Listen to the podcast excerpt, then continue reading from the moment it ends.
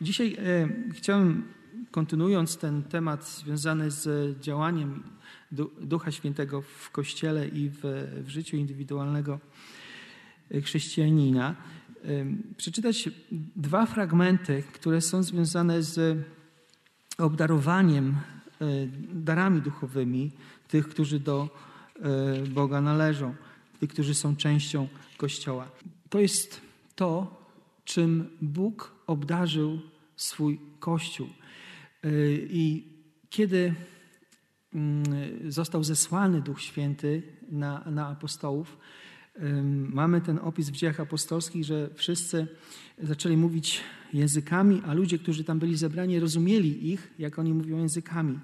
I później właśnie dokonywały się wielkie znaki i cuda mocy. Za, pomoc, e, za pośrednictwem apostoła Piotra ludzie byli uzdrawiani. Za pośrednictwem apostoła Pawła też Bóg dokonywał wielkich rzeczy w trakcie jego podróży misyjnych. I, i dzisiaj mamy w Kościele takie, taką sytuację, że właściwie się stworzyły dwa tak jakby główne poglądy na temat tego, jak to jest z tymi darami. Jedni, jeden pogląd mówi o tym, że w dzisiejszym kościele, czyli po tych dwóch, dwóch tysiącach lat, w dalszym ciągu są te same dary, bo jest ten sam duch, jest ten sam Bóg i, y, i, tak samo w taki sam sposób obdarza y, dzisiejszy współczesny Kościół, jak to miało miejsce y, w Kościele pierwotnym, w Kościele Koryntian, w Kościele Rzymian. I oczywiście nie, nie każdy ma ten sam dar, natomiast jakby jakościowo Kościół jest tak samo obdarzony przez, przez Ducha Świętego. I to jest tak zwany pogląd kontynualistów jeżeli można by to tak ująć. Natomiast jest e, drugi pogląd e, takich, którzy uważają, że e, dary się zakończyły czy przeminęły wraz ze śmiercią apostołów, wraz z końcem jakby ze śmiercią tego pierwszego pokolenia chrześcijan, dlatego że Kościół już był ustalony i, i, i właściwie dzisiaj dlatego chociażby, że przeminęli apostołowie, to, bo dzisiaj trudno powiedzieć o kimkolwiek, e, że jest apostołem, dlatego że definicja apostoła jest taka, że przebywał z Jezusem, e, był świadkiem zmartwychwstania. No i dzisiaj nie ma takich ludzi, którzy przebywali e, z Jezusem, prawda? No chociaż są niektóre takie chrześcijańskie kościoły, gdzie, gdzie, gdzie mają apostołów, prawda? Czy, czy, czy tego rodzaju nazewnictwo używają. E, natomiast jeżeli by się tak przyjrzeć stricte, jak są zdefiniowane te, ten urząd czy, czy ta, ta rola, no to apostołami byli nazywani ci, którzy chodzili z Chrystusem, którzy byli przez Niego powołani jako świadkowie Jego, Jego zmartwychwstania. I w związku z tym, że przeminął urząd apostołów, to również e, kwestia języków, kwestia proroctw e, też przeminęły, bo, bo e, pismo jest zamknięte, nie można do niego dodać, nie można z niego ująć i wszystko, co Bóg chciał, żebyśmy wiedzieli i, i rozumieli odnośnie Jego woli, mamy już na kartach Starego i Nowego Testamentu. I to są to są takie dwa poglądy, do których jeszcze, do, do których jeszcze, jeszcze wrócę. E, natomiast e, chciałbym, byśmy e, tutaj popatrzyli na, te, na ten fragment z listu do Koryntian, na 12, 12 rozdziale, kiedy, kiedy apostoł mówi tutaj o, o tych darach, które są różne, ale duch jest ten sam. Mówi o posługach, które, które są różne, ale jest ten sam Pan i mówi o sposobach działania, które e, też są różne. Tutaj czwarty, piąty i szósty werset dwunastego rozdziału, ale jest ten sam Bóg. E, oprócz tego, że to jest e, ważny z punktu widzenia takiego trinitarnego fragment, dlatego że mamy tutaj mowę o duchu, o, o Chrystusie, o Panu tak? i o Bogu. E, to mamy tutaj e, takie bardzo mocne pokazanie to, że, że to e, czym Kościół żyje, czym Kościół dysponuje, pochodzi od Boga po prostu. pochodzi od tego samego Boga. Nawet jeżeli, jeżeli ludzie w kościele mają różne funkcje, różne role, różnego rodzaju obdarowania, to, to, to wynika to z tego, że Bóg tak zechciał, żeby tak było. Nie dlatego, że oni są lepsi, gorsi, ważniejsi, mniej ważni, ale dlatego, że Bóg taką, taką rolę każdemu y, przy, przydzielił. Bo zobaczcie ten siódmy werset. Jeżeli ktoś miałby wątpliwości na temat tego, bo może powiedzieć właśnie, bo można tego rodzaju dysputy czy pytania spotkać, e, a jaki ja mam dar, prawda, się zastanawiać że, i stwierdzić na przykład, że a ja nie mam żadnego daru. No to tutaj w siódmym wersecie y, czytamy tak, a w każdym różnie przejawia się duch ku wspólnemu pożytkowi. A w każdym różnie przejawia się duch ku wspólnemu pożytkowi. Także to słowo w każdym w zasadzie bibliści y, interpretują jednoznacznie, że każdy człowiek jest przez Boga uzdolniony do tego, by y, współdziałać na rzecz rozwoju Królestwa Bożego, na rzecz budowania Kościoła i jest jego unikalne zadanie, unikalna rola do, do, do wypełnienia. Także jeżeli ktoś się zastanawia nad tym i doszedł do wniosku, że ja nie mam żadnej, żadnego daru, no to y, można powiedzieć bardzo mocno, że się mylisz, droga siostro, drogi bracie, bo na pewno masz dar, na pewno masz rolę, na pewno jesteś ważny w Bożym planie i y, dla swojego kościoła i lokalnego, i, i, i, tego globalnego kościoła. Jesteś ważny, bo Bóg Cię w nim umieścił i Bóg y, dał Ci tę, tę, tę rolę, ten przywilej, tę, tę łaskę, że, że możesz w nim być. Także każdy z nas jest y, ważny. Tutaj te określenia charyzmata, pneumatika, manifestacje ducha, one, one wskazują na to, że że nie ma jakiejś jednej kompletnej listy darów, czy obdarowań, czy jakichś talentów, które można by nazwać e, stricte duchowymi, a inne już, już nie. E, dlatego, że e, po prostu to określenie różnie przejawia się duch ku wspólnemu pożytkowi, ono zawiera wszystko. Zobaczcie, to może być od, od umytej szklanki e, na rzecz e, jakby społeczności, po, przez zamieciony, zamieciony paproch, po jakieś kazania i jakieś krusady, nie, takie ewangelizacyjne, e, jakieś takie wydarzenia i, i, i wielkich mówców i tak dalej.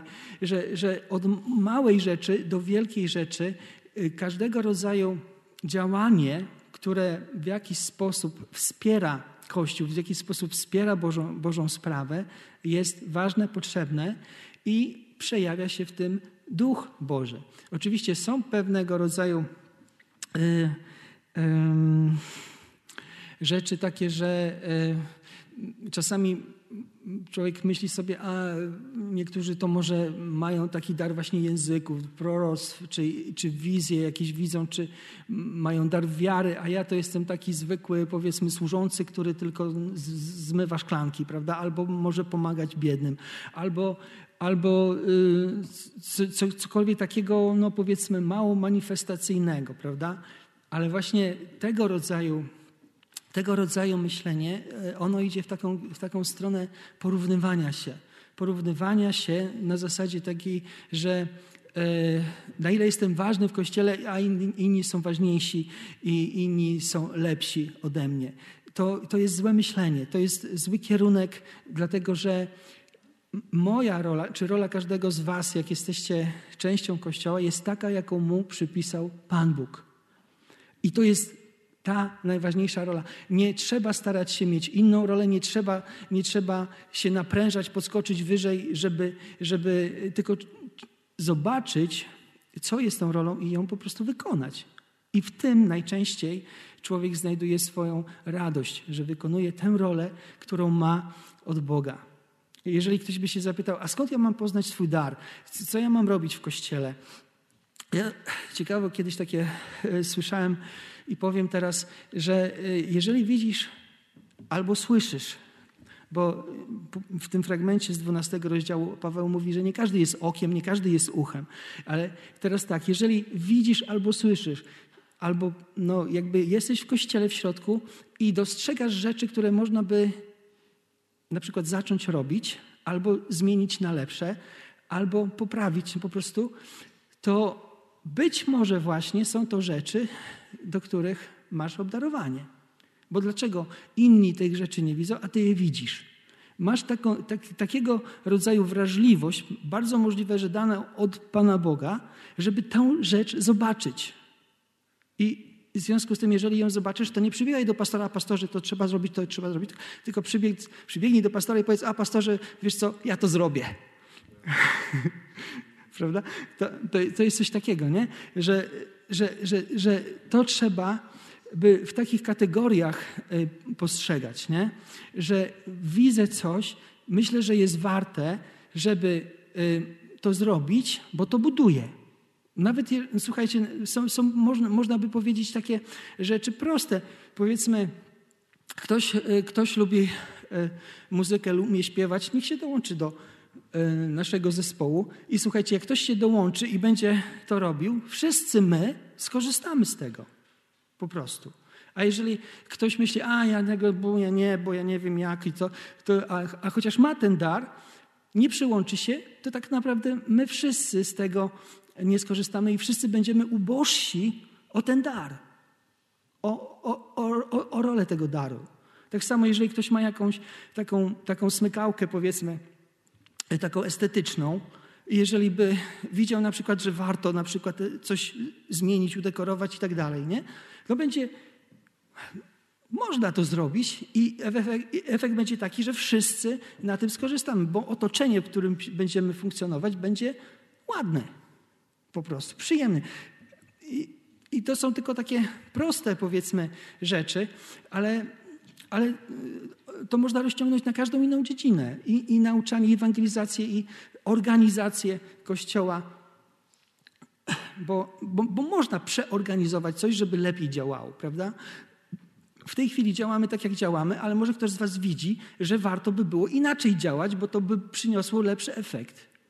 Jeżeli Ty to widzisz, ale o tym nie mówisz, no to my wszyscy na tym tracimy, prawda? I to, to jest tego rodzaju rzecz że jeżeli człowiek coś widzi, coś dostrzega, co by mogło być wprowadzone ku zbudowaniu Kościoła, ku temu, żeby Ewangelię dalej e, zwiastować, popchnąć do, do innych środowisk, to warto to zrobić. To warto to zrobić. I może być też, że w, takim działaniu, jeżeli ktoś to zauważy i zacznie robić, znajdzie swoją radość, zna, znajdzie e, podziękowanie ze strony ludzi, znajdzie, znajdzie taką satysfakcję, ale też może się okazać, że spotka się z, z niezrozumieniem ze strony innych ludzi. Spotka się z tym, że nie będzie efektów takiego działania i to wcale nie znaczy, że to patrzenie, czy, czy ta potrzeba, którą zauważyłeś, czy zauważyłaś, nie była ważna czy, czy, czy prawidłowa, bo jak się popatrzy na, na proroków Starego Testamentu, to zauważcie, oni zwiastowali słowo od Boga, zwiastowali Bożemu ludowi, a Izajasz chociażby, Jeremiasz nie spotkali się z tym, że ich służba została przyjęta, zrozumiana, że im podziękowano, prawda? To różne, różnego rodzaju scenariusze mogą być. Natomiast to, co, to, co y, jest istotne, to jest to, że, że, że my w pierwszej mierze, każdy z nas, i ja i każdy z Was, po prostu musimy patrzeć na to, e, jak Bóg nas chce użyć do, e, dla swojego królestwa. I, I, niech to będzie takim, takim wyznacznikiem, nie to, jak ludzie na to zareagują, przyjmą, nie przyjmą, zgodzą się, nie zgodzą i tak dalej. Nie, po prostu to, możemy, możemy popatrzeć na to, że, że, że może czasami trzeba czasu pewnego, żeby e, ludzie się przekonali, może czasu po to, żeby zobaczyli, że rzeczywiście to jest dobre, prawda? Ale jakby u, u samego wstępu rezygnować dlatego, że a, ja nie wiem tego, no to nie jest dobre, e, dobre rozwiązanie. Zobaczcie też jedną jeszcze taką ważną rzecz, myślę, że dary, które, o których mówimy, na podstawie właśnie Nowego Testamentu, który, którymi Bóg obdarzył Kościół, one y, nie są dane Kościołowi dlatego, żeby pojedynczy, indywidualni wierzący mieli satysfakcję z tego, że mają dary. Na przykład i, i, i, mieli powód do tego, żeby, żeby yy, powiedzmy myśleć o sobie w kategoriach takich, że jestem bardziej duchowy niż ci, którzy tego nie mają, czy, czy bardziej ważny, bo Bóg mi dał, a im nie. To nie tędy droga. Dary mają dwie jakby podstawowe funkcje. Jedna, jedna to jest zbudowanie kościoła, czyli dostaję dar od Boga po to, by służyć tym darem na rzecz innych, którzy są w tym kościele. To, to nie jest przede wszystkim moja własna prywatna zabawka, czy moja własna prywatna satysfakcja, że, że go mam, tylko to jest coś, czym Bóg mnie obdarzył, w co mnie wyposażył, co ma być użyte na to, żeby budować Kościół. To jest pierwsza rzecz. A druga rzecz, e, dary zostały dane Kościołowi po to, żeby Kościół miał moc zwiastować Ewangelię.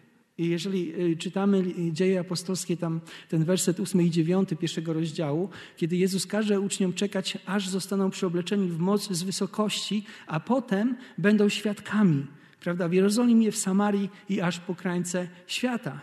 I to się dzieje. To się dzieje. Bóg tak e, właśnie działa, że właśnie dary, powiedzmy, powiedzmy to takim językiem militarnym, e, cuda są potrzebne na froncie, na pierwszej linii ognia. Że wybuchł granat, ale nikt nie zginął, prawda? Że to, to jest coś takiego, że jak apostoł Paweł szedł i zwiastował Ewangelię. Jak go zamknęli w, e, w więzieniu w Filipi, on e, będąc przykuty tam do, do różnych rzeczy, ze swoim towarzyszem Sylasem śpiewali Bogu na chwałę i co się stało? Trzęsienie ziemi i opadły ich kajdany. Mogli uciec, ale nie uciekli. Prawda? Na pierwszej linii frontu cuda są potrzebne i często się zdarzają i o tym też mówią misjonarze. I... Yy, i, i coś ciekawe jeszcze też e, świato, jakby społeczność kościołów chrześcijańskich, ewangelicznych to zauważyła. Teraz powiem taką historyczną rzecz. W 1974 roku, rok przed moim urodzeniem, odbył się kongres, Światowy Kongres do Sprawy Ewangelizacji w Lozannie w, Szwajcarii. I ten kongres powiedział taką ważną sprawę, że w tej chwili, w tej chwili kiedy, kiedy on się zbiera, to 90% misjonarzy z różnych organizacji misyjnych działa w miejscach i wśród ludzi, w których już jest Kościół chrześcijański, w miejscach i wśród ludzi, w których już jest świadectwo chrześcijańskie. A tylko 10% misjonarzy z różnych E, organizacji działa wśród tych pozostałych 12 tysięcy grup e, ludzi, którzy jeszcze nie słyszeli Ewangelii, których nie ma jeszcze samodzielnych kościołów. I taka ogromna dysproporcja była. I e, ten kongres opublikował coś, co się nazywa takim przymierzem tego kongresu, przymierzem Lozanny. I, i, i to, co się to, co się tam wydarzyło, miało ogromny wpływ na światową ewangelizację. Naprawdę wszystkie, e, wszystkie misje ewangelizacyjne od, tamtej, od tamtego czasu zaczęły myśleć w kategoriach tego, żeby dotrzeć do ludzi, którzy jeszcze Ewangelii nie słyszeli. Żeby przede wszystkim myśleć w takich kierunkach, żeby tam wysyłać misjonarzy, gdzie jeszcze nie ma kościołów, gdzie jeszcze nie ma świadectwa chrześcijańskiego. No i potem odbył się drugi kongres Lozan, Lozanny, Lozanny II, tylko że ta, ten kongres Lozanna II odbył się w stolicy Filipin, w Manili. Ale tak, tak przeszło do tego, że tak, tak, tak jest nazywany, że Lozanna II. I y, on się odbył w 1989 roku, 15 lat później. I na tym kongresie y, y, w Manili Peter Wagner, jeden z takich bardziej znanych ludzi, którzy zajmują się ewangelizacją świata, to powiedział, że jednym z takich być może niedocenionych rzeczy, która wynikła z, z, z, z, tego pierwszego kongresu w Lozanny 1, jest, e, jest związana z, z tym, co było napisane w, taki, w takim punkcie 14 tego, tego przymierza. A ten punkt 14 tego przymierza jest zatytułowany Moc Ducha Świętego.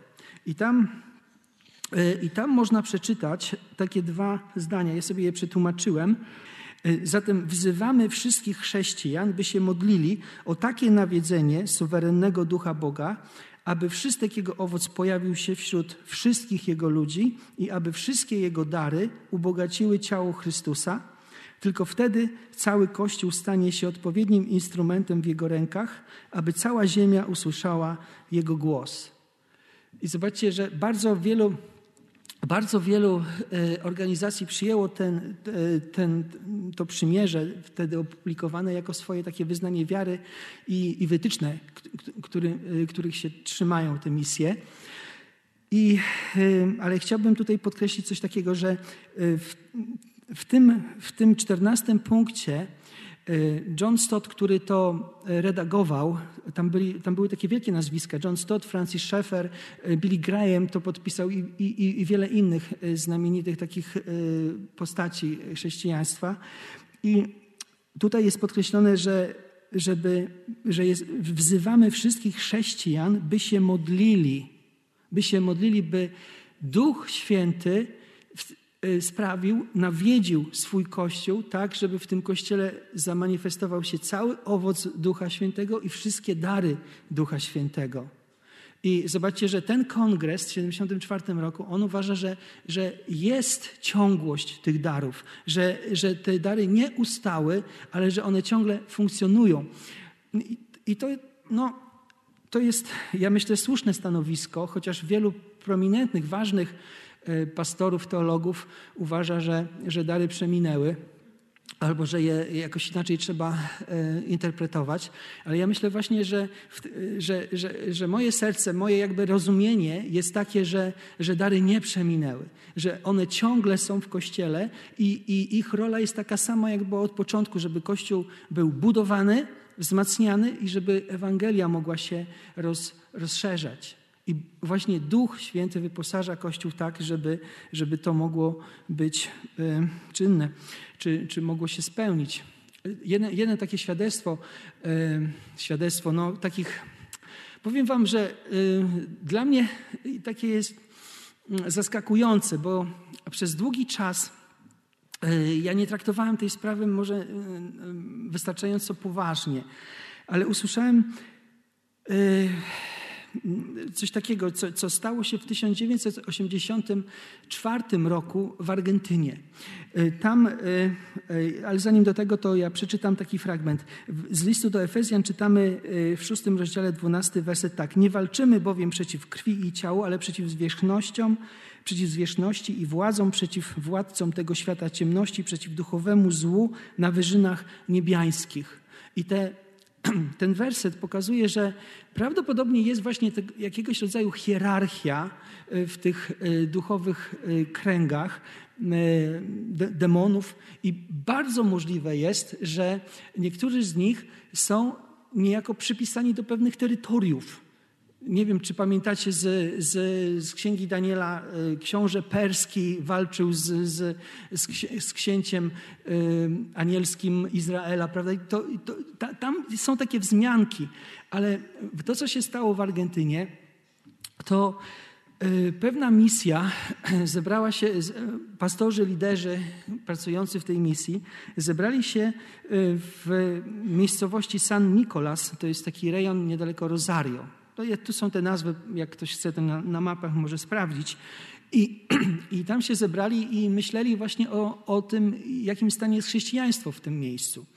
I, I, zobaczyli, że w promieniu około 160 kilometrów od tego miejsca, gdzie, gdzie się spotkali, jest 109 miast i w żadnym z tych miast nie ma kościoła chrześcijańskiego się zastanawiali, coś, co się dzieje, y, co może być przyczyną i, i, i z czego to wynika. W jednym miejscu, y, które się nazywało Arroyo Sico, trzykrotnie był, y, były próby, by założyć kościół, ale za każdym razem się nie udały. Ten kościół w wyniku takiej opresji, przeci jakiejś przeciwności po prostu za każdym razem umierał.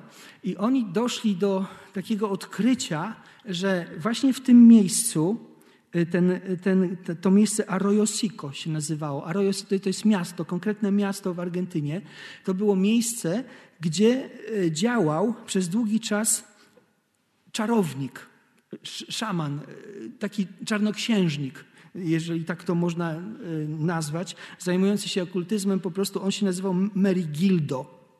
I ten Merigildo umarł i tą swoją naukę i swoje, e, no i ten okultyzm cały przekazał dwunastu innym ludziom.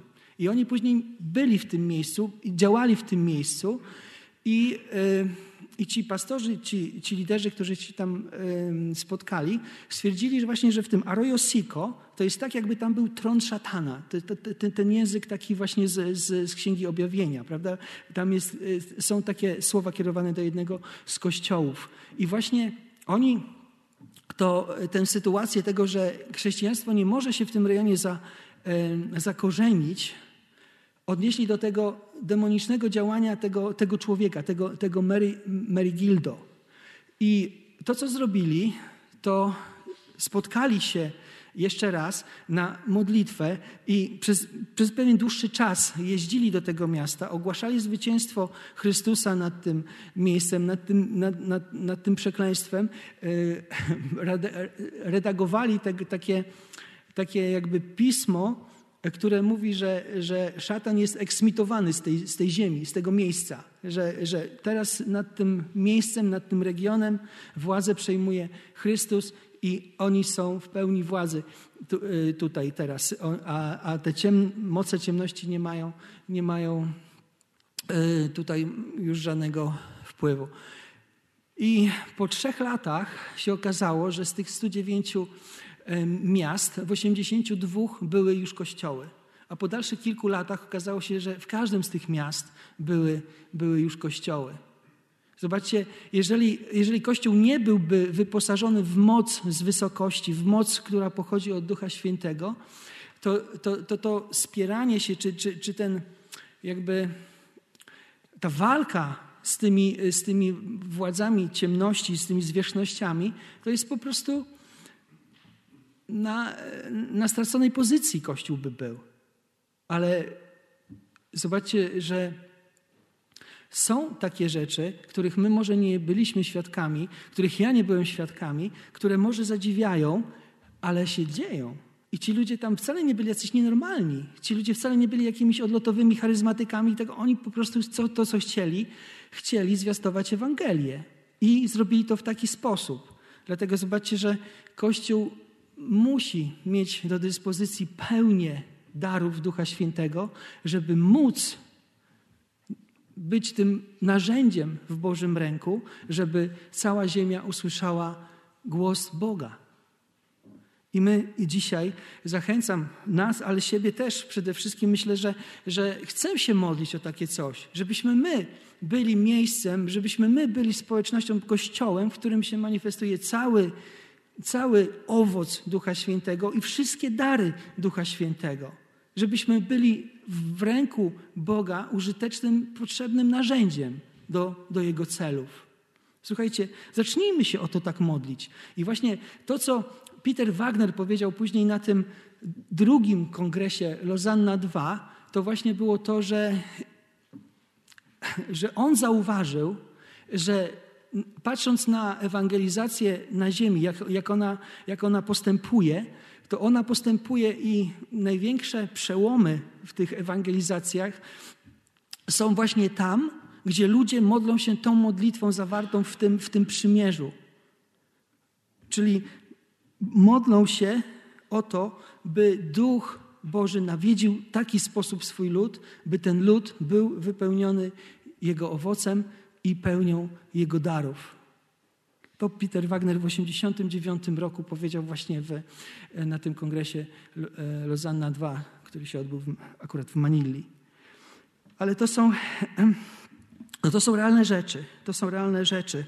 I chociaż może niezwykłe, tutaj już trochę czasu mi brakuje, może w każdym razie, jeżeli by mówić o y, następnych jakby tutaj kwestiach związanych z, z darami Ducha Świętego, to y, Można by je tak z grubsza podzielić na takie grupy związane ze służbą, z cudami i e, z taką grupą związaną ze słowem, z przekazywaniem słowa. Służba to możemy powiedzieć od, zaczynając od takiego prowadzenia czy przywództwa poprzez pomaganie innym, y, tak charytatywnie wręcz można by powiedzieć, służenie, dawanie, to y, takie rzeczy możemy znaleźć. Y, dalej cuda ponadnaturalne to w, w liście do Koryntian to o tym czytamy i tutaj mamy dar wiary, dar uzdrawiania, dar czynienia cudów, dar czynienia cudów, ale innych niż uzdrawiania, bo te uzdrawianie są oddzielnie jako, jako wymienione. Jeżeli byśmy się zastanawiali na przykład, jakie to mogą być y, cuda, to w dziejach apostolskich na przykład takie cuda, które zdarzyły się przy, ugryzła go żmija i jemu się nic nie stało. To, to, to, jest, to jest znak, to jest cud, prawda? Jak, jak on y, egzorcyzm na przykład zrobił, jeżeli była dziewczyna w Filipi, która miała ducha wieszczego i dręczyła apostołów i y, chodziła za nimi, to on mówi, że wypędził tego, tego demona z tej dziewczyny i potem właśnie y, wylądował w więzieniu za to. Na przykład na jednej z wysp był, był, e, był człowiek, który przeszkadzał zwiastować Ewangelię, nazywał się Elymas i Paweł powiedział, że będzie ślepy przez jakiś czas. I ten człowiek stał się ślepy. Zobaczcie, tego rodzaju znaki są opisane w dziejach apostolskich i one towarzyszyły e, w jego, w jego służbie. Potem mamy mowę, mowę właśnie o uzdrawianiach, e, że, że, że niektórzy mogą w taki sposób służyć y, Kościołowi czy, czy, czy, czy ludziom. I, i, I, potem jest, jest ta kategoria związana z, z przekazywaniem słów. Mowa mądrości, mowa wiedzy, proroctwo, rozróżnianie duchów, języki, tłumaczenie języków. I zobaczcie, że największe kontrowersje właściwie dzisiaj są związane z właściwie trudno mi powiedzieć, które są większe, czy, czy związane z proroctwem, czy związane z mówieniem językami. Bo niektórzy mówią, że ci, którzy bardziej patrzą na to, że dary przeminęły, mówią, że, że dzisiaj proroctwo w Kościele y, nie funkcjonuje tak jak w Starym Testamencie, dlatego że trzeba je sprawdzać. A proroctwa Starym Starego Testamentu nie trzeba było sprawdzać. I w związku z tym mówią że też, że y, w Nowym Testamencie ludzie tak naprawdę nie przekazują Bożego Słowa, ale przekazują swoje wrażenie, swoje y, odczucie, co, co zresztą można usłyszeć, że, że ludzie mówią: Myślę, że Bóg mówi, albo czuję, że Bóg mówi. Natomiast jeżeli ktoś y, z Was słyszał, tak mówi Pan, no to gęsia skórka się pojawia, bo po prostu raptem mamy do czynienia z kimś, kto ma taki autorytet jak Izajasz albo Jeremiasz, prawda? Albo tak myśli, że ma. I y, w związku z tym, że było bardzo wiele nadużyć, no, kościoły i ludzie y, bardzo często się po prostu od tego odsunęły. Natomiast to nie znaczy, że w Kościele Nowego Testamentu nie ma proroctw.